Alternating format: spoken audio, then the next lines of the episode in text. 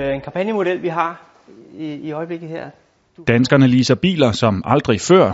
Hver gang der kom fem nye biler på gaden i 2015, var to af dem leaset, enten gennem et firma eller privat. Vi ser generelt en trend, der går mod, at man hellere vil lege eller have adgang til, i stedet for at eje selv. Og det gælder jo sådan set alle brancher. Hvis man tænker på musikbranchen, så har vi jo alle sammen i dag adgang til musik via streamingtjenester, i stedet for at eje 200 CD'er. Siden 2013 er der slået rekord inden for privatleasing hvert eneste år, og fremskriver man de tal, vi har for de første fire måneder i år, ja, så bliver 2016 endnu et rekordår. Konkret med hensyn til biler får man jo lige umiddelbart mere bil for pengene, og man skal hoste op med færre penge, og man får adgang til noget, som man ellers ikke ville have adgang til. Så det er nærmest sådan en win-win for alle.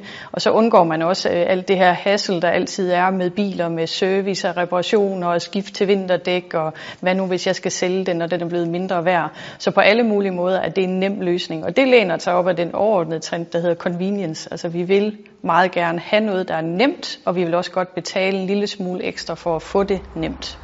Tidligere var det primært bil nummer to, der blev leaset, det der nogle gange bliver kaldt for konebilen, men nu ser man også, at bil nummer et bliver leaset, og faktisk også bil nummer tre, altså en slags forældrekøb til de unge mennesker i familien.